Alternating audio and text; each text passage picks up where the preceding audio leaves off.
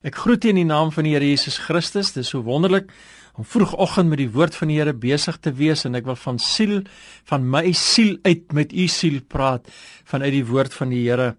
En ek gaan in hierdie week so reeksie oor praat en dit is Jesus se gesprekke met vormgodsdienstige mense. En ek begin by Johannes 5 en ons gaan deurgaan tot by Johannes 10. In Johannes 5 sien ons hoe dat die Here Jesus vir die godsdienstige mense van sy tyd wat hom wou doodmaak omdat hy 'n wonderwerk op 'n Sabbatdag gedoen het, sê dat hy doen wat die Vader vir hom openbaar hy moet doen. Hy doen niks uit homself nie en hy werk en sy Vader werk saam met hom of deur hom kan ons ook sê.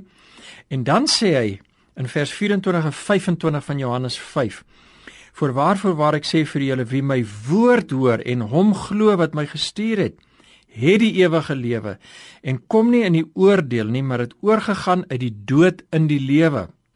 Voorwaar voorwaar ek sê vir julle daar kom 'n uur en dit is nou wanneer die dooies die stem van die seun van God sal hoor en die wat dit gehoor het sal lewe. In die Grieks staan daar letterlik en die wat daaraan gehoor gee sal lewe.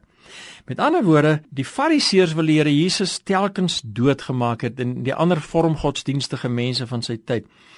Hulle is nie eers bly oor hierdie wonderwerk wat Jesus gedoen het in die begin van Johannes 5. Jy kan dit gerus gaan lees. Die verlamde man wat genees is. Dis mos 'n groot wonderwerk. 'n Man wat sy hele lewe lank verlam was word ge, word gesond gemaak. En kan jy glo die kerkleiers van daai tyd wil Jesus daaroor doodmaak?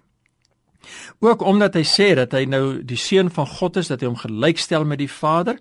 En dan sê Jesus vir hulle: Ek bring geestelike lewe. En dit is Die evangelie is die goeie nuus. Jesus Christus het nie gekom om vir ons godsdienst te leer nie. Jesus Christus, wanneer hy met jou praat, wanneer hy jou roep, dan wek hy jou op uit geestelike dood. En dit is so ontsaglik belangrik. Daarom sê Jesus, daar kom 'n tyd en dit is nou, dis in die Nuwe Testament, dat die dooies, die geestelike dooies, die stem van die seun van God sal hoor en die wat daarin gehoor gee sal lewe. En mag jy vanoggend ook die woord van die Here hoor, die stem van die Here Jesus. As jy dalk nog net 'n uh, vorm godsdienstig is, miskien baie Christelik ingestel, maar jy het nog nooit die stem van die Here gehoor nie, dan roep die Here Jesus jou uit die dood na die lewe. En as jy sy kind is, dat jy kan getuig, nee, ek het al oorgegaan uit die dood na die lewe. Ek het Jesus aangeneem en ek glo in hom as verlosser. Dit het waar geword in my lewe. Ek het die woord van die Here soos vers 24 sê, aangeneem en geglo. Dan kan jy vanuit hierdie opstanningskrag van Jesus vandag lewe. Kom ons bid saam. Here, gee u nuwe lewe in my vandag. Amen.